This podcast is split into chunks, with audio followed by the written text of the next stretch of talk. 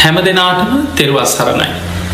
අදාපි ඔබට කියල දෙන්නේ බොරු කීමෙන් වැලකීම මුසාවාදා වේරමණී සික්කාපදන් සමාධයාමි. මේ වචනය සිද්ධ කරන අකුසල් හතරක් බුදුරජාණන් වහන්සේ පෙන්න්නනවා. නිතර කතාව ඇලි වාසය කරන කෙනා මේ අකුසල් හතරට නිරන්තරින් පත්වෙනවා. බොරුව නිතර කතාවේ ඇලි වාසය කරන කෙනාට නිතර කියලක් කියවෙන. ඊළඟට පරුස වචන නරක වචන කියවෙන. හිස් වචන අකුසල් රැස්වෙන තමන්ටත් අන්න අයටත් වැඩකට නැති හිස් වචන නිතර කියවේ. එතකොට කෙනෙක් බොරුවෙන් කේලමින් පරුස වචන හිස් වචනවලින් වැල කියලා සුභාසිත වචන යහපත් වචන කතා කරනවා නම් එයාට වචනින් පිනක් කුසලයක් රැස්කර ගන්න පුළුවන්කම තියෙන. බොරු කියන කෙනාට නොකළ හැකි පාපයක් නෑ කියල බුදුරජාණන් වහන්සේ පෙන්න්නන. දවසක් බුදුරජාණන් වහන්සේ පුංචි රාහුල හාමුදුරුවන්ට උපමාවක් කරගෙන පෙන්නවා භාජනයක පාදුවනය කරලා ඉතුරු වෙච්ච භාජනයක වතුර චුට්ටක් තියෙනවා. මේ භාජනය වතුර ටික පෙන්නලා භාජනයේ වතුර ටික හලල මුණින් නැව්වා. බුදුරජාණන් වහන්සේ හනෝ රාහුල දැම් මේ භාජනයට කොච්චර වතුර වැැක්කිරුවත් වතුර පිරෙනවද? නෑස්වාමීනි භාජනය මුණින් නවල තියෙන් වතුර ඔක්කෝම් පිත්තට හලාගෙන යනවා ගලාගෙන යනවා. බුදුරජාණන් වහන්සේ වදල් රාහුල දැන දැන බොරු කියන කෙනාටත් එයාගේ ජීවිතයක් මේ හිස් භාජනය වගේ. ගුණ ධර්ම පිරෙන්නේ එයාගේ ජීවිතයට කුසල් වැඩෙන්නේ අර භාජනයක් මුණින් නවලා වතුරවක් කරනවා වගේ ඔක්කෝම පිටතට ගලාගෙන යන ඒ වගේ තමයි කිව්. ඒ නිසා දැන් අපි දන්නවා බොරු කියන කෙනා හැම වැරැද්දක්ම බොරුවෙන් වහගන්න උත්සාහ කරනවන්. බලන්න කෙනෙක් ප්‍රාණගාත කළ මිනී මරලා බනපොතේ අත තියල දිවරණය නැද්ද මංකරේ නෑමයි ස්වාමීනී කිය. එතකොට තමන් කරේ නෑ කියල බොරුවෙන් වහගන්න උත්සාහ කරන හොරකං කරනවා. තමන් කරේ නෑමයි කියලා දහතේ දිවරනවා සමහරු තමන්ගේ දෙමවපියෝ දරුව පවා පාවල දීලා මගේ දරුවන් පල්ල කියල දිවරණයින්. ඊළඟට වැරදි කාමසේවනයේදී ලහුනාට පස්සේ කොච්චර බොරුවට දිවරනවාද මංකරේ නෑමයි නෑමයි කියල. බලන්න මිනිස්සු බොරු කියන්නෙත් බොරුවෙන් වහල නෙවෙයිද කියලා.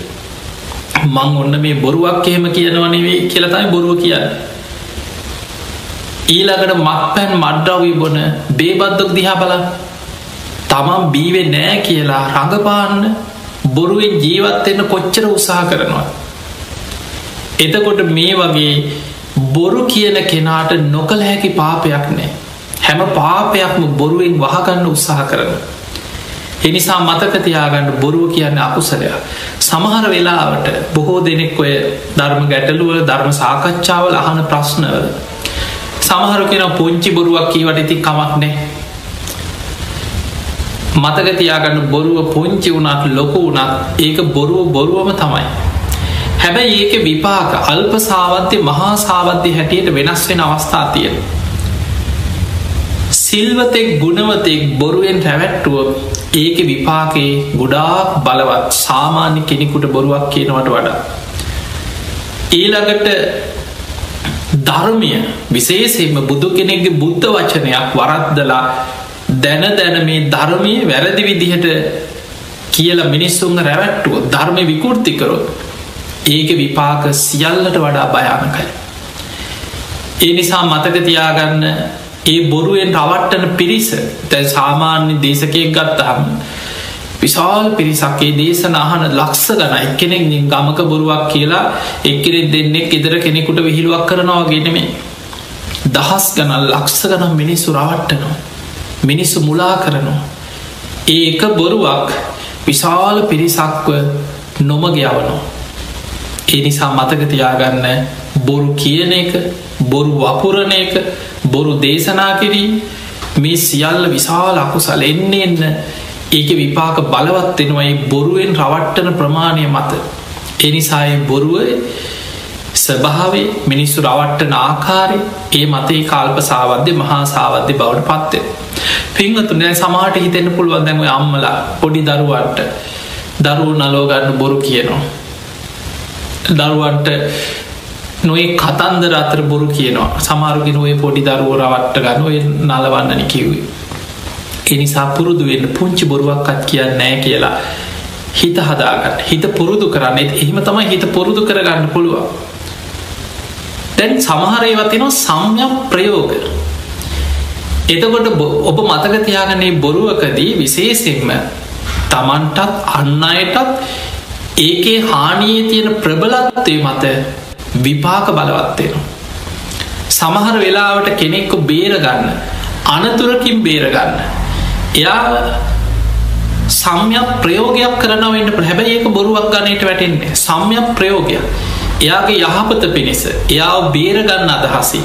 කරුණා මෛත්‍රී මොහු ආරක්ෂා කරගන්න ඒක කරන්න. එතකොට ඒ වගේ සමහර දෙමවපියෝ තමන්ගේ දරුවන්ව නොමගයන එකෙන් ආරක්ෂා කරගන්න. දැන් ඔබ දන්නවා බුදු හාමුදුරු. නන්ද කුමාරයට නන්ද කුමාරය ජනපද කල්්‍යයානි ගැන හිත හිතා ඉන්නකොට බුදුරජාණන් වහන්සේ නන්ද කුමාරයට පොරොන්දුවක් වුණා. ඒ තමයි නන්ද ඔබ හොඳට භාවනා කරන්න සීල සමාධි ප්‍රඥා වඩන්න මේ ධර්මමාර්ගය දෙන්න.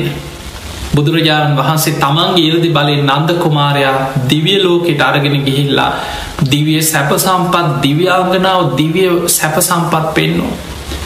පංච කාමයන්ට හිත ඇදෙන නන්ද කුමාරයගේ හිත අර දිව්‍යාංගනාව දැකළ දිවිය සැප සම්පත් දැකලා මට මේ වගේ සැප සම්පට ලැබෙනවන ස්වාමිනි මමකක්ද කරන්න තිය බුදුරජාණන් වහන්සේ වදන් නන්ද ඔබ හොඳට ධර්මමාර්ගයේදේ ඔබ සීල සමාධි ප්‍රඥා වඩා ඔබට දිවිය ලෝකවල මීට වඩා සැප සම්පත් ලැබෙනවා ඔබට ඔය එක කාන්තාවක් ගැන හිත හිතා ඔබ පසු තැවෙනවා වගේ නෙමේ නන්ද ඔබට දිව්‍යාංගනාව සිය ගණන් ලබන්න පුළුවන්. දැන් නන්ද කුමාරයට බුදුරජාණන් වහන්සේ මේ දේ කරේ නොමගයවන්න නෙමේ. එක සම්යක් ප්‍රයෝගයක්. හැබැයි නන්ද කුමාරයා ධර්මය වඩල සීල සමාධි ප්‍රඥා වඩලා තමන් උතුම් මරහත්වයට පත්වෙච්ච දවසේ බුදුරජාණන් වහන්සේ ළඟට ඇවිල්ල වැඳල කියන සාමීනි භාක්‍යතුන් වහන්ස ඔබහන්සේ මට එක පොරොන්දුවක් වුණා. මං මේ ආවේ. ඒදේ මට එපා කියන්න. මට දිවිය සැප සම්පත් එපා ස්වාමිනි. මට දිවිය කාන්තාවත් එපා. බුදුරජාණන් වහන්සේ වදල නන්ද ඔබ වීරිය වඩලක් හිත කෙලෙසුන්ගේ මිදුනද ඒ මොහොතේම තතාගතයන් වහන්සේ පොරොන්දුවෙන් නිදහස් වෙලා අවසානයි කිය. ඒ නිසා කෙනෙක්කො ධර්මමාර්ගයට අරගෙන යන්න කෙනෙක්ව නොමග යන කෙනෙක් සුමගට ගන්න යහපත් අරමුණකින් කෙනෙක් ඒකට කියන ප්‍රයෝගයක් උපක්‍රමයක් හැබැයි දැන දැන මේක මුසාවක් කියලා දැන දැන කෙනෙක් නොමගයාවන අදහසේ එක්කො දේශ සහගත අදහසකි කෙනෙක් රවට්ටන අදහසකි. ඒ කෙනාට හානියක් සිදුවෙන ආකාරයට ඔබ බොරුවක් පතුරුවනවන දැන දැන බොරුවක් කියන එක විපාකාරි බර පතල ඔබහල ඇති දීර්ඝ ආවිශ ඇති කාලවල අසංකයේ දක්වා ආවිශ වැඩිවෙච්ච කාලවල බොරුව මේ ලෝකෙ නැති කාල තිබිලතිය කවුරුත් නෑ ලෝක බොරු කියන කෙනෙ ඔය අතරි චේතිය කියෙන රජ්ජුරු තමයි කෙන ඉස්සල්ලාම් බොරුවක්කේ ඒවත් නිකන් සාමාන්‍ය ගත්ත හම බොරු නැතිම කාලෙන. අද ඒව සාමාන්‍ය දේවල්. එතකොට ඒ වගේ අයියට මල්ලිකිව මල්ලිට අයිය කිව එතකොට මේ වගේ දෙයක්. හැබැයි චේතිය රජ්ජුරුවන්ට ඒ කාලේ අහසින් යන්න පුළුවන් පුුණ්‍ය ඉරදියක් තිබුණ. රජ්ජුරුවන්ගේ මුකයෙන් බොහෝම සුවදක් සුගන්ධයක් කතා කරනකොට මානෙල්මල් සුවදක් හමනවා. අර බොරුව කියනවත් සමග මේ විපාකෙ රජ්ජුරුවට අහසින් යන්න පුළුවන් හැකියාව නැතිවුණ. අර මානෙල් මල් සුවද හමපු ඒ මුකේ සුවද නැතිවෙලා දුරුගන්ධයක් පැතිරෙන පටන්ගත්. එනිසා මතක තියාගන්න බොරුවේ විපාක කටවල් ගඳ ගහන. සමහර ඉන්න මොන විදිහ බෙහෙත් මොන විදිහ ආලේපන කට හෝදන්න මොනවා පාවිච්චි කරත් මහා දුර්ගන්ධයක් කතා කරනකොටේ සසර බොරු කියපු පුරුදු කර්ම විපාක හැටියට පස්සෙගෙන ඊළඟට කටවල්වල තුවාල හැදෙනවා කුණුවෙනවා දිව්වල්වල නොයේ කොඳ කරගන්න බැරි රෝග පීඩායනවා ඒ වගේම තමන්ගේ තියෙන තේජස පුුණ්‍ය ශක්තිය පිරිහිලායන සමාජය නින්දා ලබන කෙනෙක් බවට පත්වන මිනිස්සු ඇත්තකිවත් පිළිගන්නේ ඔය මිනිහ කටඇරියුත් බොරු කියන්න කියලා ඇත්තකිවත් පිළිගන්න නැති විශ්වාසදායක නොවන පුද්ගලේ බවට පත්වෙනවා බොරු කියන කෙන.